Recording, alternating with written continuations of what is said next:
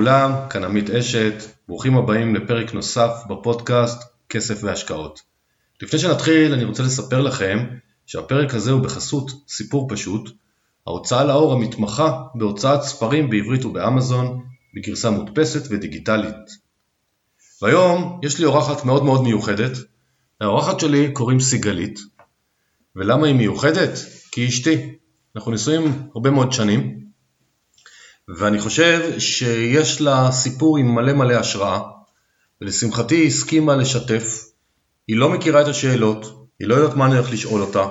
הכל כמו כל מרואיין אחר, הכל בהפתעה. אז סיגלית, שלום. שלום. אז איך זה שבעלך מראיין אותך ואת לא יודעת מה הולך להיות? אני מחכה לראות איך תפתיע אותי. אז אני לא אפתיע אותך, אנחנו בסך הכל רוצים כמו כל פרק אה, לתת השראה ורעיונות לאנשים, ולך יש הרבה מאוד אה, מה לתת. אז אני רוצה שנתחיל באמת בהתחלה האקדמית. איזה תואר יש לך? מה למדת? אני מורה לאומנות. למדתי בסמינר אורנים שלוש שנים, יצאתי עם תואר אה, מורה לאומנות בבתי ספר יסודיים, והאמת היא שלא לימדתי אפילו יום אחד בבית ספר. סיימתי את התואר והתגלגלתי למקום אחר לגמרי. אז אני רוצה לקרוא לך קטע מספר של רונית דהן קשי שנקרא הילד אינו מקולקל והיא כותבת ככה בספר שלה בעקבות השיחה עם סיגלית חוויתי רגע מכונן עם עצמי. סיגלית סיפרה לי שבעברה הרחוק היא למדה הוראת אומנות בסמינר אבל מעולם לא עסקה בהוראה. היא למעשה בחרה לנתב את הידע שרכשה לכיוון אחר מהוראה בפועל. מחשבה זו השיבה אותי לזיכרון מעברי. ההחלטה המאוד ברורה שקיבלתי כשלמדתי הוראה לגיל הרך, החלטתי שאין לי כל ספק שאחרי סיום לימודיי אעבוד במערכת הקונבנציונלית ובה אלמד. אולם עברו השנים וגיליתי עד כמה קונבנציונליות יכולה המערכת להיות והמסגרת לא טעמה כלל לאישיותי.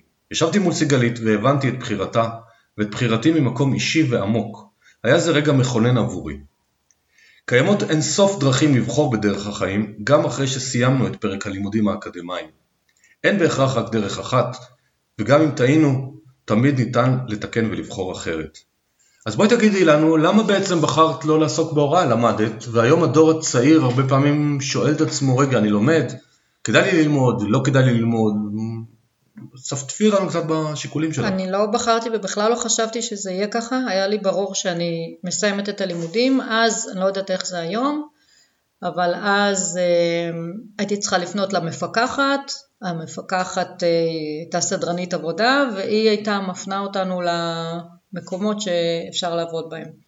התקשרתי למפקחת, היא אמרה לי, אני יכולה להציע לך שעה בשבוע בבית ספר בנהריה. אמרתי לה, ומה אני אעשה בשאר הזמן? לא, כדאי לך דריסת רגל במשרד החינוך.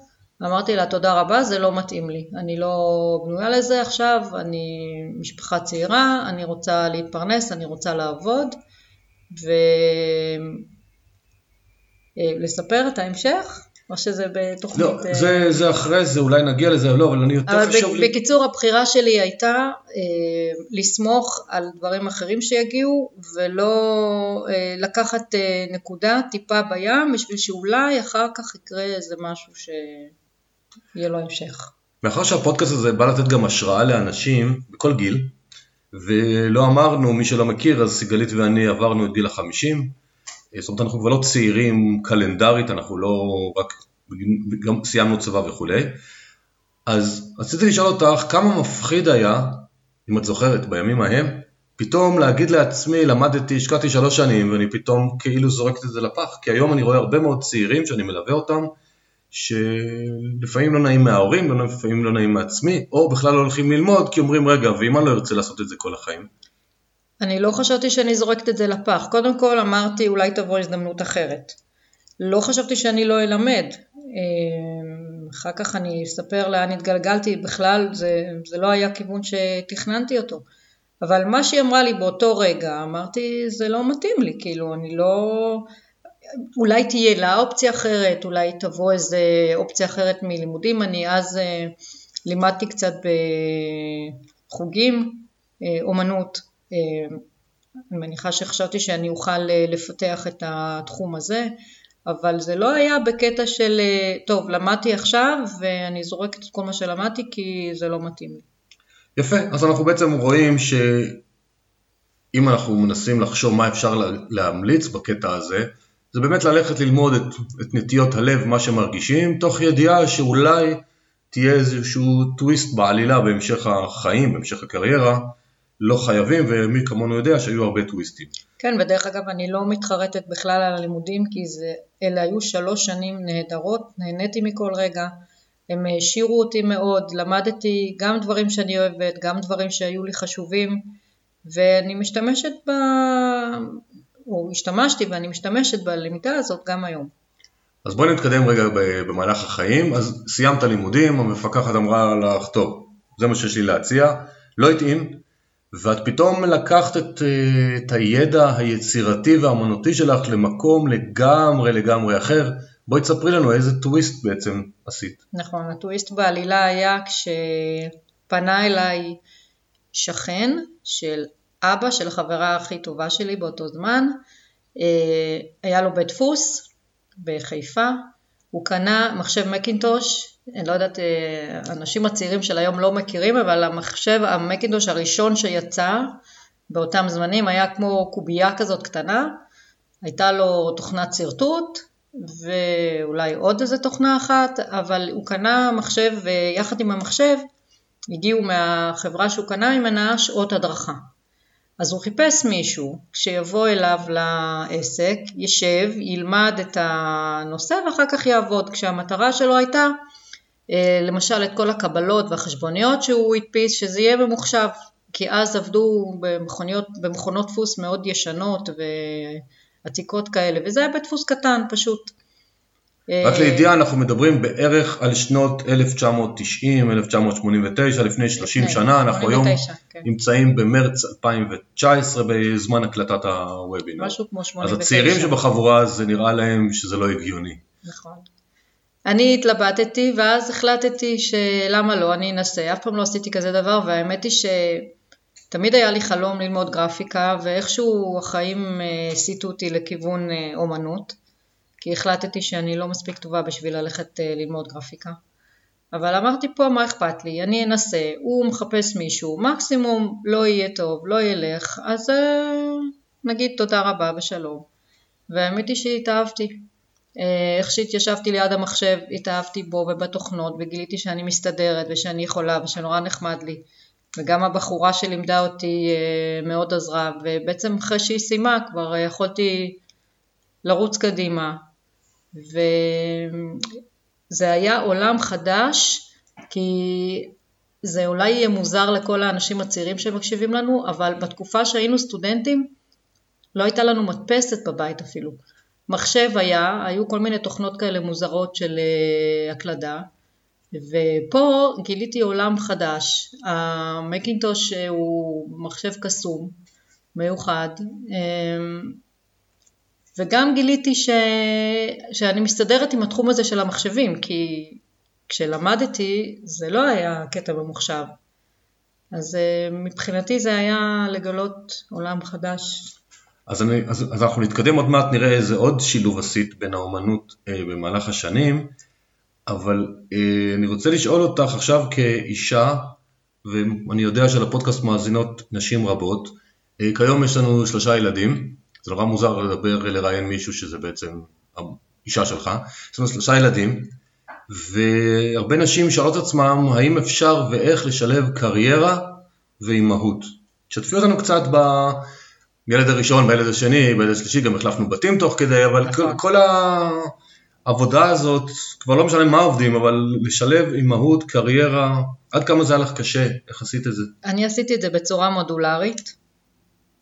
אמ, בהתחלה עבדתי חצי משרה, קודם כל היה לי מאוד חשוב לעבוד מההתחלה. כאילו היה לי ברור שאני לא יושבת בבית רגל על רגל ומחכה שבן הזוג שלי יפרנס אותי. אמ, אז עבדתי חצי משרה, הייתה, הייתה מטפלת בהתחלה, אה, עד שהילד, עד שגיא הבכור היה בן שנה בערך, הייתה לו מטפלת בבית, אה, ואחר כך אה, הוא נכנס לגן ו... בגן הזה לא היה צהרון, אז אמרתי שאני זורמת עם זה, והגיע הילד השני.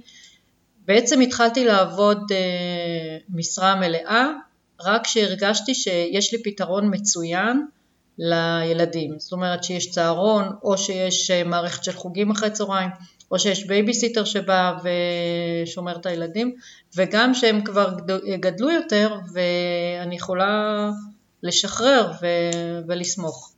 אז ה...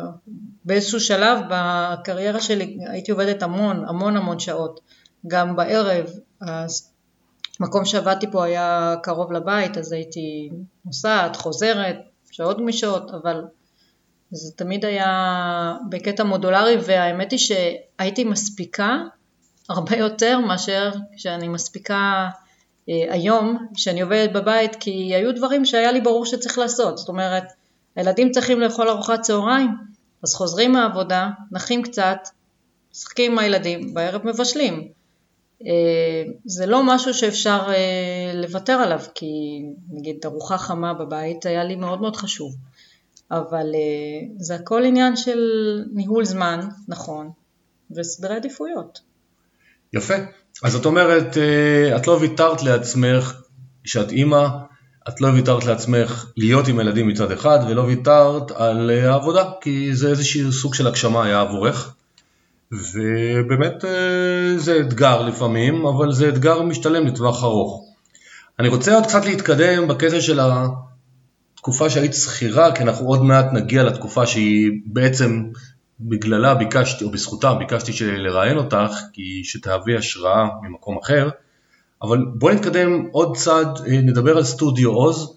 סטודיו עוז זה סטודיו למיתוג ו branding בינלאומי, נמצא במנוף, זה אזור משגב שאנחנו גרים בו, ובעצם שם התחלת לעשות לא רק עבודת גרפיקה ופיקוח, פתאום נחשפת לעולם המחשבים יותר ויותר. תספרי לנו קצת למה נכנסת לשם, מה עשית שם, איך זה פתאום, מה, מה הקשר בין זה ולמען המקצועיות שבאת איתה. בסטודיו אז עבדתי עשר שנים. אמ, כשהגענו לרקפת, אני חושבת זה היה כשהסטודיו היה בן שנתיים,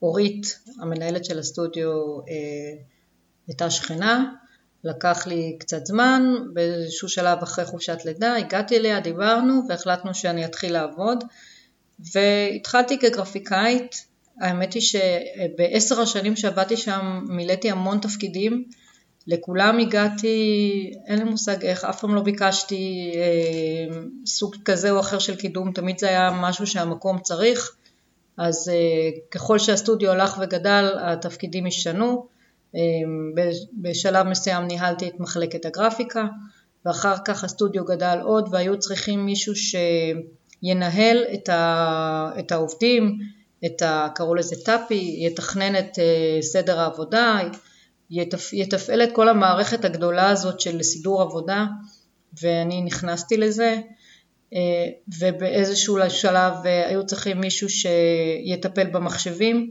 ואני נכנסתי לזה. איכשהו תמיד הייתי הבן אדם הנכון לתפקידים האלה וכל פעם גיליתי עוד משהו על היכולות שלי. זאת אומרת, גיליתי שאני גם יודעת אה, להסתדר עם בני אדם וגם יודעת לדבר יפה עם לקוחות וגם יודעת לפתור אה, בעיות לאנשים. היה לי על, ה... על הדלת היה מספר השלוחה, אה, שזה היה 911 וכולם צחקו על זה שזה 911 ושזה בעצם היה התפקיד שאותו מילאתי. אה, החיים לימדו אותי הרבה מאוד על היכולות שלי, זה לא דברים שתכננתי שיקרו, אבל זה הרבה מאוד הפתעות שלומדים להשתמש בהם, בכל, בכל פעם אה, משכללים את היכולות. אז מה שאני רוצה להגיד שבעצם אה, סיגלית בעצם מספרת לנו פה שאם אתם מוכנים לזרום עם מה שצריך, כלומר למדתי אומנות, זרמתי עם זה שלא מתאים לי אומנות אה, מורה, מתאים לי אומנות אחרת. באתי להיות שכירה בתפקיד א', אבל המקום רצה את ב' וג' וד', זרמתי עם זה, כי זה היה לי נחמד, גיליתי על עצמי חוזקות, המקום היה צריך וזה ווין ווין. וזה אחד הדברים אני חושב שכדאי לכל אחד לשים לב בחיים שלו כמה הוא מקובע, כמה הוא הולך על דברים שצריך לעשות. אז אה, ואם שמעתם איזשהו רעש ברקע של צלצול טלפון אז אנחנו בבית וניתקנו אותו. אה, זה היתרון והחיסרון. לעבוד ולראיין את אשתך. אה, אז הבנו שלזרום זה טוב, ואז אני מגיע לקטע בחיים שלך, שבעצם משכירה החלטת להיות עצמאית, וזה מהפך שהרבה מאוד אנשים חוששים ממנו וחושבים עליו. אז ספרי לנו בבקשה מתי החלטת להיות אה, עצמאית, ולמה, ומה קרה שם, וכל התהליך המחשבתי ומאחורי הקלעים שלך עם עצמך. אה, כשאני חושבת על זה, אז כל החיים שלי הייתי שכירה, בערך 20 שנה, אף פעם לא חשבתי שאני אהיה עצמאית. היה לי ברור שכשהחלטתי לעזוב את הסטודיו, בעצם צריך להתחיל קודם. באיזשהו שלב בסטודיו הגעתי למצב שכבר לא היה לי כיף להגיע לשם בבוקר, הרגשתי שהעבודה שלי הופכת להיות טכנית מדי וכל הדברים שאני אוהבת ואהבתי בעבודה, אני פחות עושה אותם. אני כל יום באה ומתעסקת עם תקלות של מחשבים ולא לא בשביל זה באתי לשם. זה לא עשה לי טוב להתעסק עם תקלות כל היום. אז החלטתי שניפרד כידידים, עשר שנים זה מספיק. והיה ציון דרך, אה, הבת מצווה של הילדה, זה היה זמן טוב, אמרתי אני נוסעת לחו"ל, נהיה חצי שנה בבית או כמה שיצטרך ונמצא לי עבודה אחרת בתור שכירה. בתור שכירה. ואני לא מסוגלת לשבת בבית ולא לעשות שום דבר, ומשהו שלא אמרתי קודם זה למדתי אומנות ולא עסקתי בזה אבל במשך כל חיי הייתי הולכת לחוגים כי זה בשביל הנשמה. יש את העבודה שאהבתי אותה אבל הייתי חייבת משהו לנשמה. אז היה חוגים של ציור וציור על עץ והיה ויטראז' ופסיפס עשיתי חוג כל מיני. וכשישבתי בבית ופרגנתי לעצמי כמה חודשים של אה, שקט אה, חזרתי לעסוק בפסיפס, אה, באה אליי חברה וישבנו יחד, עסקנו באותה אומנות בכיף ובאיזשהו שלב היא אמרה לי את מלמדת מאוד טוב, למה שלא תפתחי חוגים ותלמדי עוד אנשים? אז אה, מצא חן בעיניי הרעיון, אמרתי אני אנסה. בכלל לא חשבתי על, על הדבר הזה מתוך מקום של אוקיי עכשיו אני הולכת להקים עסק, אלא מתוך הקטע של זה משהו שכיף לי לעשות, זה נחמד, אני אנסה. ואז הבנתי שזה לא ככה, אם את רוצה ללמד ואנשים משלמים לך כסף, אז זה צריך להיות בצורה מסודרת. אז אה, מזלי הרב, יש, אה, אני מוקפת באנשים שמכירים את התחום הזה ויכולים לעזור, ובעזרת עמית אה, סידרנו את כל החלק הפרוצדורלי של לפתוח עוסק פטור ומה זה אומר, ולמדתי לרשום קבלה ומה אני צריכה לעשות פעם בשנה וכולי ויצאתי לדרך. אמ, על אש קטנה אמנם אבל אה, זה היה בדיוק בקיץ אז אה, היה זמן טוב. סידרנו בחוץ אה, מקום שאפשר לעבוד בו והתחלתי ללמד אנשים איך עושים פסיפס. אז זה בעצם היה העסק הראשון. אז, אז בעצם את חוזרת על אותו מוטיב שאנחנו חוזר אצלך ו, ואנחנו בפודקאסט מחפשים איך לעזור לאנשים. אה, להשפיע על החיים שלהם והמוטיב הוא לא לפחד משינויים ולהאמין בעצמך. כי את לא פחדת משינוי, אמרת אני שכירה, אני אהיה קצת בבית, יהיה בסדר, אני אמצא איזושהי עבודה. וכשפתאום איכשהו הזדמן הקטע של הפסיפס, זרמת עוד פעם, אמרת אני מאמינה, יהיה בסדר ונעשה את זה. וזה נורא חשוב למוטיב בחיים של כל מי שמאזין לנו בכל תחום שאתם נמצאים, תמיד אה, תלכו עם האמת שלכם, לא רק מה שהאחרים והרחוב אומר והשכנים וההורים והחברים, צריך ללכת עם, עם הלב. אבל תגידי, כמה, כמה זה היה מפחיד? כמה זה היה מפחיד פתאום לפתוח עסק? לבקש כסף מאנשים, אה, זה... לתמחר, להגיד לאנשים זה עולה 30 שקל, זה עולה 200 שקל, זה עולה 76 שקל, כי זה גם קטע שאני רואה כמלווה, כייעוץ עסקי שאני נותן לעסקים קטנים, אני רואה הרבה פעמים אנשים, זה ממש מרתיע אותם. נכון, זה היה קשה. זה... תשתפי אותנו, תשתפי אותנו איך, איך התגברת, אנחנו רוצים לעזור לאנשים לעבור את מה שאת כבר עברת. לבקש כסף מאנשים, אף פעם לא היה לי פשוט.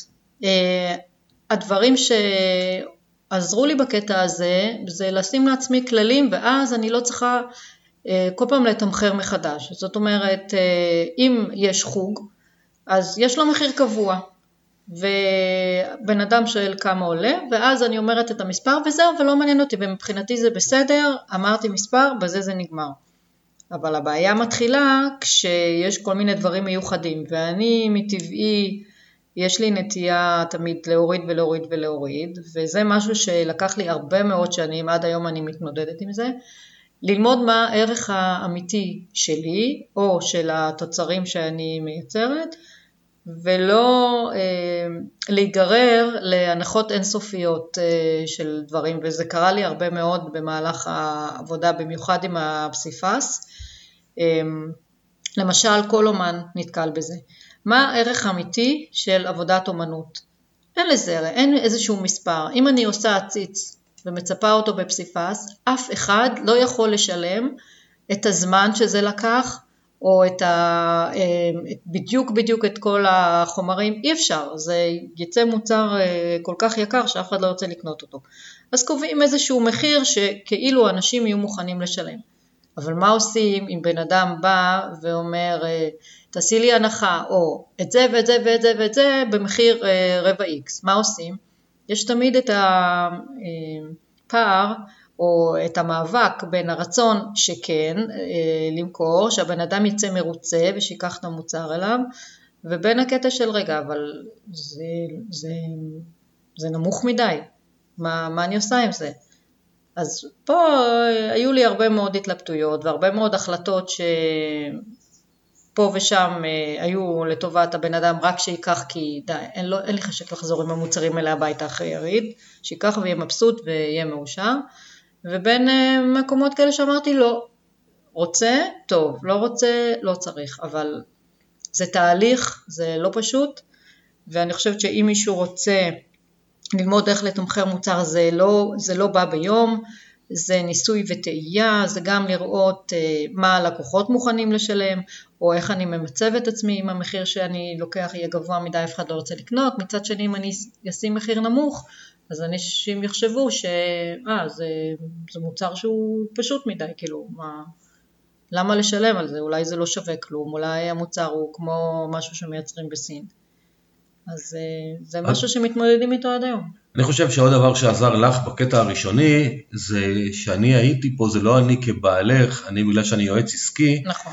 אז יכולתי קצת לעזור לסיגלית לקבל החלטות וביטחון, ואני בא ואומר, כל אחד שרוצה להפוך להיות עצמאי פתאום והוא לא כל כך יודע איך, תלכו למעוף שיש להם יועצים מסובסדים, תלכו למנטור כזה או אחר, תמצאו מישהו שיעזור לכם גם במספרים וגם בתחושות, כי זה לא מעבר קל. אבל אני רוצה עוד להמשיך עוד טיפה באמנות לפני שאנחנו עוברים להיילייט של מה שאת עושה היום. אה, יש המון אמנים, המון המון אומנים מכל מיני סוגים, זה, זה פסיפס וזה צילום וזה ציור וזה קרמיקה ו ו ו ו ו. איך אפשר להתפרנס מזה? זאת אומרת, אני לא אומר אה, אולי פרנסה גדולה אבל להרוויח כסף. אה, אני פשוט יודע שאת עושה בכמה ערוצים, יש עוד אנשים אחרים שעושים בכמה ערוצים. בואי תשתפי אותנו קצת, כל מיני ערוצי הכנסות שאת יודעת לייצר מאומנות או שאת יודעת שמייצרים מאומנות. קודם כל, הדבר הכי חשוב זה להיות פתוח לכל מיני דברים שקורים מסביב. זה יכול להיות, אני, הייתה תקופה שהייתי הולכת לירידים, לוקחת את המוצרים שלי ומוכרת אה, בכל מיני ירידים, עד שהבנתי שלי זה לא מתאים כי העבודות שלי הן כבדות מצד אחד, ומצד שני לעמוד מאחורי דוכן ולמכור לאנשים זה לא הצד החזק שלי, זה לא, אני לא אוהבת את זה, אני לא נהנית מזה, זה לא כיף לי ולא רוצה, אז בהתחלה הייתי עושה את זה כי כן, רציתי להתפרנס ורציתי ליצור עוד מוצרים. אבל לי באופן אישי זה לא התאים. וחיפשתי דרכים אחרות שכן מתאימות לי. אז למשל, היום בעולם שלנו יש כל כך הרבה אפשרויות אחרות אה, אינטרנטיות, או אה, שיתופי פעולה, או... אה, לא, לא, בוא, בוא, בוא תפרטי. אני, אני אספר מה אני עושה. את, יש לך איזה שלושה, ארבעה, חמישה סוגי הכנסות, נכון. בואי בוא תספרי לאנשים, תשתפי אותנו. אני, אני אספר מה אני עושה, ו... יש לי מזל, אני לא יודעת אם הייתי לבד, אני לא יודעת אם דברים כאלה היו קורים, אבל יש לי מזל שיש לצידי מישהו שהוא חושב בצורה לא קונבנציונלית, והוא תמיד מושך אותי הלאה, ולפעמים אה, מראה לי כל מיני אה, נקודות וזוויות חדשות, ואני כבר לוקחת אותם למקום שלי. אז למשל, לפני מספר שנים, אה, ונחזור לאמזון יותר מאוחר, אבל לפני מספר שנים עמית גילה את הסיפור הזה של לפרסם ספרים באמזון, איכשהו הוא הצליח לשכנע אותי שנלמד את הקורס ביחד, כי אני ולא ראיתי את עצמי בתור סופרת, מה פתאום שאני אכתוב ספרים, ספרים זה רק לכותבים סופרים שאני מעריצה, אה, אבל אמרתי טוב נזרום, נלך, נלמד את הקורס, וכי החלטנו שאנחנו הולכים את זה, לעשות את זה ביחד, זה היה קורס אינטרנטי ולקחנו גם מפגשים, אבל קורס אינטרנטי, למי שלא יודע, אם אין לך, אה, איך נקרא לזה, אם אתה לא מתמיד, אז אה, אתה תקנה את הקורס והוא ישכב לך במחשב ולא יקרה איתו שום דבר. אז זה לא רק להתמיד, אתה צריך להתמיד ולעשות את שיעורי הבית. אז כשאתה קונה קורס אינטרנטי שמלמד איך לעשות ספרים באמזון, אתה חייב שיהיה לו תוצר כדי שתראה שעשית משהו עם הקורס הזה. אז מפה לשם אה, התחלתי, החלטתי שאם אני הולכת לקורס על ספרים באמזון, אני לא יודעת לכתוב סיפורים, אבל אני כן יודעת ללמד פסיפס. ומפה נפתח לי עולם מרתק, שבהתחלה הייתי מאוד חסרת ביטחון, והיום אני כבר אה, מכירה בערך שלי, ועם כל ספר אה, שמתפרסם, אז אחרי כמה חודשים מגיעים רעיונות לספרים האחרים. כמה ספרים יש לך היום? יש לי שבעה ספרים שמלמדים איך לעשות פסיפס, ועוד יופי. ספר אז, אחד. אז שמעתם שבעה ספרים, אנחנו עוד מעט נחזור לעולם הספרים, אבל ספרי לנו איך עוד את מרוויחה כסף רגע, מאומנות. שנייה, אני רוצה להרחיב קצת את הקטע של הפסיפס דווקא ולא הספרים. אמ, כשמלמדים פסיפס זה אומר שעושים אה, עבודות כדי למכור אותם בספר, אה, או כדי להראות בעצם, להראות איך עושים עבודות ואז נשארות מלא עבודות. אבל מה עושים עם כל העבודות האלה? מילאתי את הקירות בבית, יופי, אה, אז עכשיו, ולימדתי איך אנשים, אנשים איך עושים עבודות פסיפס, ואם אני רוצה למכור את העבודות, אז אני צריכה למצוא פלטפורמות אחרות למכירה. למשל, יש אתר מקסים שנקרא אצי, שזה אתר שמלמד, שעוסק באומנות, בעצם אתם יכולים לקנות שם עבודות אומנות באופן ישיר מהאומן אל הלקוח. והלכתי, עשיתי קורס במעוף אה, של כמה מפגשים ופתחתי חנות אינטרנטית יש אנשים שעושים מזה עסק וממש עובדים בזה. יש לי חברה שהפכה את הסיפור הזה לעסק והיא מתפרנסת מזה. אני החלטתי שלא שווה לי לעשות רק את זה. אני אוהבת לעשות הרבה מאוד דברים, לא רק דבר אחד. אז יש לי חנות קטנה שם. פעם בכמה חודשים מישהו קונה משהו ואני מבסוטית. אני שולחת את העבודות שלי לכל העולם, וכבר שלחתי הרבה מאוד. אה, אז יש את הספרים באמזון ויש את החנות באצי ויש קורסים של פסיפס שאני מלמדת ויש כל מיני שיתופי פעולה עם אה, אומנים אחרים בירידים ויש את הספרים. כן, ויש עוד מוצרים לפי הזמנה, נגיד לפני שבוע הזמין איזה לקוח מקנדה שדרך המחשב הגיע עציץ, רק לסבר את האוזן אז הוא שילם 500 שקל, זה היה עציץ מאוד מיוחד, לא כולל משלוח, אבל בהחלט מהאמנות סיגלית אה, הצליחה להרוויח כסף, אה, אבל זה לא הספיק, ואז אני רוצה לעבור למקום שבעצם עד כל מה שעשינו עד עכשיו זה היה רק לבנות את זה לפה, כי הפודקאסטים שלנו האחרונים היו בחסות סיפור פשוט, סיפור פשוט זה העסק של סיגלית, זה הוצאה לאור, בואי תספרי לנו מה זה סיפור פשוט, מה את עושה שם? סיפור פשוט, אם אנחנו מדברים על אה, להיות עצמאי, אז לסיפור פשוט נכנסתי בהחלטה מודעת שאני לא לבד ושזה עסק משותף של אה, עמית ושלי. אה, אנחנו חילקנו בינינו את העבודה ובעצם מה שעושה סיפור פשוט זה המטרה היא לפרסם ספרים גם באמזון וגם בארץ. של מי? לאנשים שנגיד בישראל לאו דווקא רוצים להגיע לכל חנות אלא יש להם פלטפורמות מכירה אחרות, להראות לאנשים שגם אם אני מדפיס 50 יחידות או 100 יחידות, זה בסדר, אה, יש מטרות אחרות להוציא ספר ויש אה, דרכים אחרות למכור ספרים, אה, גם אם הם לא בחנויות, ואני חושבת שהיום הרבה אנשים מבינים את זה, וזה מצד אחד, ומצד שני להביא לישראלים את הבשורה של אמזון, להנגיש להם את אמזון בצורה פשוטה וקלה ו, ולהראות שהעולם גדול ואנחנו יכולים מפה, מישראל, מהמחשב, למכור אה, לכל העולם. אני חושב שאני רוצה שקצת תרחיבי, כי הסיבה שעוד פעם העיקרית שאת בפרק הזה, זה שאת הפכת משכירה לבעלת עסק אינטרנטי חובק עולם בגיל 51 בערך, התחלת, ובעצם המודל שלך הוא מיוחד ואני רוצה שנדבר עליו קצת. תגידי, כמה מהלקוחות שלך את נפגשת? כל... אנחנו גרים בפריפריה, אנחנו גרים ברקפת, אנחנו גרים ליד כרמיאל, זו מועצה אזורית משגב. אה, הארץ גדולה, אז מה, את נוסעת כל הזמן לתל אביב, לחולון, לירוחם, להיפגש עם אנשים? איך, אני איך... לא כזאת, לא. אז, אז, איך, אז איך התקשורת עם לקוחות? מי שמתעקש מגיע אליי לפגישה והיו כמה כאלה ועדיין אה, יש כמה כאלה אבל יש לי יחסים נהדרים עם לקוחות אפילו בלי לראות אותם אה, פעם אחת. יש, אה, וכשנפגשים זה נורא כיף, ממש. אבל יש לי גם לקוחות וגם ספקים מכל מיני מקומות בעולם. רגע, ספקים תכף נדבר, אני רוצה לדבר okay. על, אוקיי. על הלקוחות. אוקיי. Okay. איך את מצליחה לתקשר עם לקוח, רוצה להוציא ספר, זה החלום חיים שלו והוא לא רואה אותך. איך אתם מגשרים על הפער הזה? אני חושבת ש...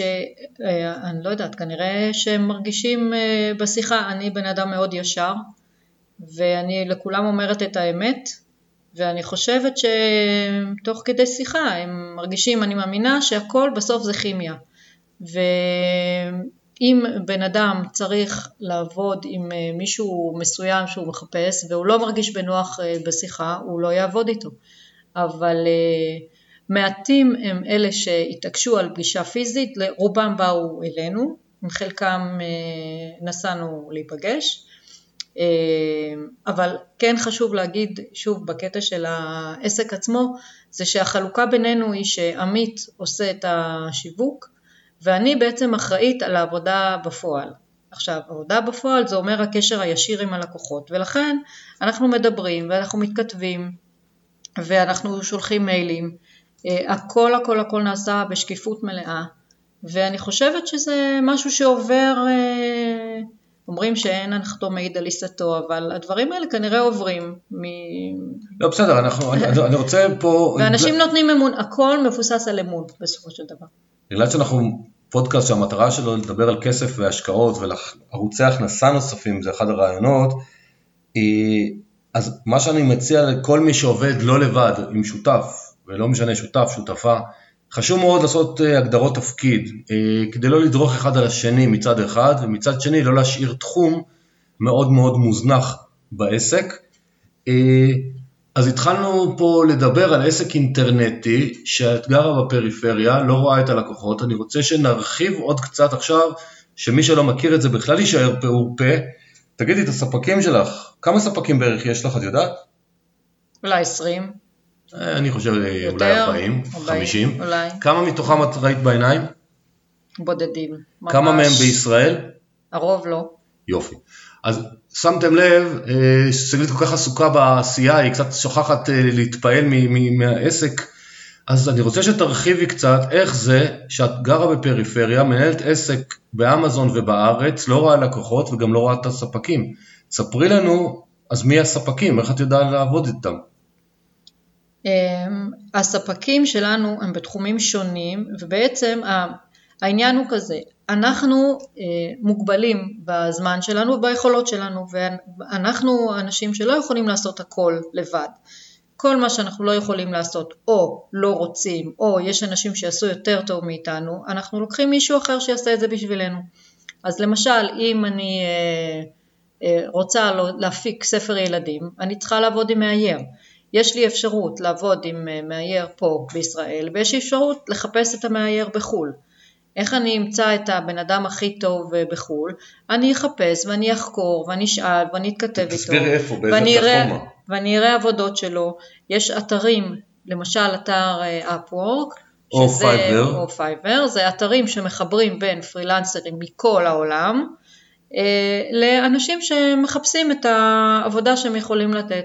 אז אם אני מחפשת מאייר ואני נכנסת לאתר Upwork, יש, אה, אני משקיעה זמן בהתחלה בשביל לחפש את המאיירים שאני רוצה לעבוד איתם, כי יש אלפי סגנונות ומחירים שונים ואנשים שונים ומדינות שונות.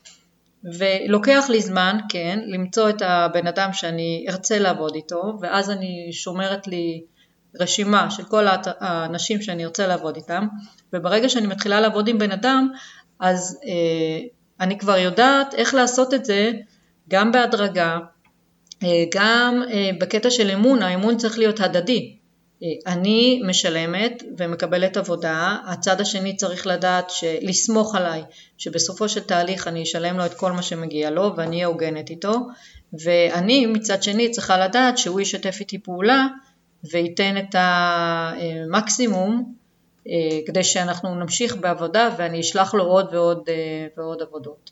אז זה למשל דוגמה אחת, אבל בכל תחום שקשור בעבודה שלנו והיא רובה אינטרנטית, מחשבית, אה, יש לי ספקים שעשיתי עבודה ובדקתי אותם ולפעמים אה, קורה ולא מצליחים, בוודאי, אז מחפשים מישהו אחר ולפעמים נתקעים עם איזה מישהו שנעלם, כי שוב, אנחנו לא מכירים את האנשים האלה ואם מישהו באופן עקבי לא עונה לי למיילים או להודעות, אז אני אחפש מישהו אחר. אבל אה, כן. אבל בעיקרון העסק, בעיקרון העסק שלנו בנוי שמה שלא צריך עברית, אנחנו עובדים ספקים מחו"ל, שתי סיבות, סיבה אחת זה מחיר, סיבה שנייה, הם מבינים חלקם את המנטליות של חו"ל יותר טוב מאשר אנחנו בישראל, כי לקוחות שרוצים ספרים באמזון, אנחנו מנסים להתאים להם את המנטליות המקומית. אבל אם אני לוקח כאילו את מה שסיגלית אומרת עוד רמה אחת מעל, יותר כללי מסיפור פשוט, אמרה סיגלית, אנחנו רוצים למנף את הזמן שלנו ואת היכולות שלנו, אנחנו לא יכולים להיות one man show אם אנחנו רוצים להקים עסק ולגדול. הסיבה שרציתי שקצת סיגלית תספר לנו פה על העסק של סיפור פשוט הוא לראות שבגיל 51 סיגלית הקימה עסק אינטרנטי חובק עולם, גם הלקוחות מתפרסמים באמזון או בישראל, הספקים מכל מקום, ו- וזה אפשרי. אה, ולא לפחד, לא לפחד מהשינוי, לא לפחד שזה לא יצליח, כי בהחלט יש כישלונות, זה עולה כסף, אז לא קרה כלום, זה בסוף כסף. עכשיו תגידי, אה, אם דיברנו מקודם על תמחור ועל להיות בעלת עסק, פה זה כבר היקף הרבה יותר גדול מ... מ... מהפסיפס, כי גם הסכומים הם יותר גדולים וגם נכון. הכמות יותר גדולה. איך פה הצלחת לעשות את העליית מדרגה שלך האישית בכל הנושא הזה שיש הרבה לקוחות וזה הרבה פרויקטים וחשבוניות וכסף, מה, מה עוזר לך או מה עזר לך אה, ללמוד מלהיות שכירה בנשמה לבעלת עסק, ולמעשה זה בעלת שני עסקים. תהליך מאוד ארוך ועזרה. תספרי קצת על הקשיים גם, על הקשיים, בסדר, אנחנו רוצים לתת את האמת, לא לעשות את הכל כזה כיף וסבבה. תהליך ארוך מאוד, קודם כל אה, כשהתחלנו אנחנו פרסמנו את הספרים שלנו באמזון ואז באו אנשים ורצו גם. אה, ורק אחרי כמה שנים שעבדנו בצורה הזאת, אז אה, פתאום ראינו שיש ביקוש ואמרנו, ישבנו עם עצמנו והגענו למסקנה שאנחנו רוצים לעלות מדרגה, לפתוח עסק, לקרוא לו סיפור פשוט, עם כל המשמעות של זה, של לפתוח עסק. זה אומר להקים אתר, זה אומר להקים מערכת מסודרת, זה אומר לעשות מחירון, שזה, אם אתם זוכרים מה שאמרתי לכם קודם על הפסיפס, אז המחירון זה מה שמציל אותי. כי אני לא יכולה, לא מסוגלת להתמודד כל פעם עם אה, מחיר אחר לכל אה, סוג פרויקט שמגיע. אז אני מכניסה את הכל למסגרת, וברגע שלקוח מתקשר ושואל, אז יש לי את המחיר, ואני אומרת לו את המחיר, וזהו, ומבחינתי, לי זה עושה שקט. אה, וזה סוויץ' שהייתי צריכה לעבור ולקח לי זמן ועמית עזר הרבה, למזלי הרב יש לי יועץ פיננסי צמוד, והיה עוד חבר שעזר לנו בדרך שהוא גם אה, במקצוע הזה, אה, אבל ברגע שהבנתי שזהו, שהמחירון הזה הוא, הוא משתנה, כן, הוא משתנה, התחלנו עם אה, מחירים אחרים לגמרי, אבל המספרים לא חשובים כמו הקטע של הכלי הזה, שעוזר לי אם אני צריכה לשלוח הצעת מחיר ללקוח, אז אני עושה את זה היום הרבה יותר מהר מאשר אה, הייתי בהתחלה. כי הכל כבר מסודר, גם תכולת העבודה, אני מכירה אותה והיא ברורה. וגם המחיר, וגם מאוד חשוב לי שהבן אדם, נגיד, שמקבל ממני הצעת מחיר, ידע בדיוק בדיוק בדיוק מה הוא מקבל ושזה יהיה בשקיפות מלאה. כמה מוצרים יש לך בעסק? כמה מוצרים? כן. אני לא יודעת, אף פעם לא ספרתי אותם. לא, אבל דוגמאות, אני רוצה לתת לכם בהשראה, לתת דוגמאות, כי אנחנו רוצים פה... Uh, האמת היא שבדיוק היום כתבתי למישהי אה, uh, משהו על אמזון, ואמרתי שאנחנו יכולים לעזור בהרבה מאוד דרכים, למשל בהדרכה, למשל בקורס, uh, לעשות את העבודה בשבילה, uh, הדרכה חלקית. יש לי לקוחות שמגיעים לפה להדרכה, יש כאלה שהם אינטרנטי, יש כאלה שעושים אצלנו מנוי שנתי, אז או עבודה חלקית של מוצר אחד, לזה אתה קורא. כן, זה מוצרים, יש לך גם כמה מוצרי מידע. קורסים, כן. מוצרי מידע זה גם קורס שלם על כל האמזון, יש לך גם מוצר מידע, הדרכה ספציפית על איורים או הדרכה ספציפית נכון. על פרסום. נכון. מה שאני פה למה אני שואל את השאלה ואני רוצה לתת לכם גם השראה. הרבה מאוד מהמוצרים שלנו נולדים מהקשבה לשוק. זאת אומרת, אם מישהו שואל אותנו יותר מפעמיים, שלוש, ארבע, אותה שאלה, ואנחנו חושבים שאפשר לעשות את זה בהדרכה אינטרנט, שגם תעזור ללקוח, גם תפנה את הזמן שלנו, מצוין. אה, פודקאסט 10 עם דורון גשן מדבר על מוצרי מידע דיגיטלי, מי שעוד לא שמע, שיקשיב, כי אנחנו לפעמים זה מתאים, לפעמים זה לא מתאים. אבל הרעיון הוא, כשאתה מקים עסק, אתה מחפש גם את הדרכים איך אה, להכניס עוד אה, מוצרים לעסק, ואז כל לקוח ימצא בסוף את מה שהוא מחפש במחיר שהוא מחפש. אה, אנחנו עוד מעט מתקרבים ככה לסוף, ותמיד בסוף אני מתחיל אה, לשאול שאלות של מה את ממליצה. מקשיבים לנו עכשיו אנשים, אני בטוח שיש גברים ונשים הורים, רווקים, נשואים, אה, שכירים ועצמאים, אבל הרבה פעמים לאנשים יש איזשהו חלום כזה להיות עצמאי. כשאת הגעת לגילאי ה-20-30, זה משהו שבער בעצמותייך להיות עצמאית? לא, אף פעם לא. אני, כמו שאמרתי קודם, אני אף פעם לא חשבתי שאני אהיה עצמאית, ואני לא הייתי נכנסת לזה אם לא הייתי יודעת שיש לי עזרה, וזה מה שאני רוצה להגיד לאנשים. אה, קודם כל, תלכו עם הלב שלכם, וב' תתייעצו, ואחרי שתתייעצו, תיקחו מתוך העצות את מה שהכי טוב בשבילכם. כי בסדר, אנשים אחרים אה, אולי יש להם אה, ידע מסוים, אבל יכול להיות שזה לא משהו שמתאים לכם, אבל אה, אם אני מסכמת את כל מה שעשיתי עד היום, אז אני סוגרת מעגל, כי אני למדתי הוראה וזה מה שאני עושה היום בחלק מהזמן, אני מלמדת. אני מלמדת אנשים איך לפרסם ספרים באמזון, ואני מלמדת אנשים איך לעשות פסיפס, ואני למדתי מאחר, בעזרת אחרים איך לנהל עסק, ואיך לנהל את הזמן שלי, והאמת היא שזה הבונוס הכי גדול של להיות עצמאי. לנהל את הזמן שלך ולעשות מה שאתה רוצה כשאתה קם בבוקר ולהתחיל בשמונה או בתשע, זה לא משנה. ועוד דבר אני חושב שחשוב זה שתבחנו את מבנה ההוצאות של העסק החדש שאתם מקימים, אה, ומי ששכיר אז לאט לאט לא לרוץ ולעשות הוצאות, למשל אה, סיגלית עובדת, אה, יש לנו ילדים שחלקם כבר עזבו את הבית, אז המשרד הוא בתוך הבית, אנחנו לא צריכים ישר לשכור עוד עובדים ועוד הוצאות, ככה לאט לאט הכל בסדר. איזה טיפים את יכולה לתת לאנשים שהם פשוט מפחדים, מפחדים לעשות את הצעד הזה, הם היום שכירים, הם רוצים אולי ליום בשבוע, יומיים בשבוע, לפתח את האהבה שלהם, אומנות או בתחום אחר, איך, אה, וכאישה דווקא, כי גברים משחקים אותה הכל בביטחון, למרות שזה לא נכון, אבל כאישה לנשים שמקשיבות, טיפים של נשים לאימהות, לילדים צעירים ובכלל. קודם כל אפשר לעשות גם וגם.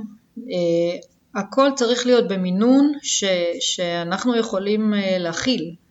זאת אומרת, אם יש ילדים קטנים והם נמצאים במסגרות, אז ברור שאני אנהל את העסק שלי, או אני אשים את הדגשים בשעות שאני לבד, ואני אנהל את היום שלי בצורה אחרת. אבל שוב אני חוזרת לנושא הקודם של לקחת עזרה ולהתייעץ, ולא לחשוב שאנחנו יכולים לעשות הכל לבד, אה, או שאנחנו יודעים הכל, ללמוד מניסיון של אחרים, ו... ובכלל, כאילו ללמוד ולהתפתח ולראות איך אנחנו לומדים דברים אחרים, ו- ולדאוג שהעסק לא יגדל יותר מדי ממה שאני יכולה להכיל.